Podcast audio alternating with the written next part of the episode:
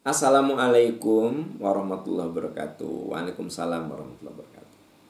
Ustadz, bisakah kalau uang rambut bayi yang baru lahir dibayarkan tidak pas akekah? Atau harus pas akekah berbarengan akekah bayi pada hari ketujuh? Ya, ini tentang akekah lagi ya. Prinsipnya begini, akekah itu disembelih pada hari ketujuh kullu mauludin murtahinun bi aqiqatihi. Setiap anak yang lahir tergadai oleh akekahnya. Yudbahu yauma sabihi. Disembelih akekah itu hari ketujuh. Wa yuhlaku digunduli. Jadi ada tahlik, ada taksir. Tahlik itu gundul. Kalau taksir itu artinya diambil beberapa helai. Nah, maaf tanpa mengurangi rasa hormat, sebenarnya di masyarakat kita banyak yang taksir. Taksir itu cuma diambil beberapa helai.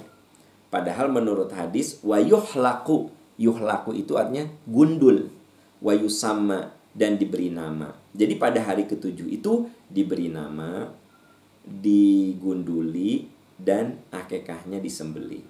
Bagaimana kalau digundulinya hari ketujuh, tapi uangnya tidak hari ketujuh? Tidak apa-apa, karena yang yang ditentukan itu digundulinya. Urusan nanti rambut yang kita timbang, oh iya ternyata ada satu gram ya. Jadi diuangkan menjadi bentuk uang. Tapi dibagikannya nanti setelah 10 hari, setelah 20 hari.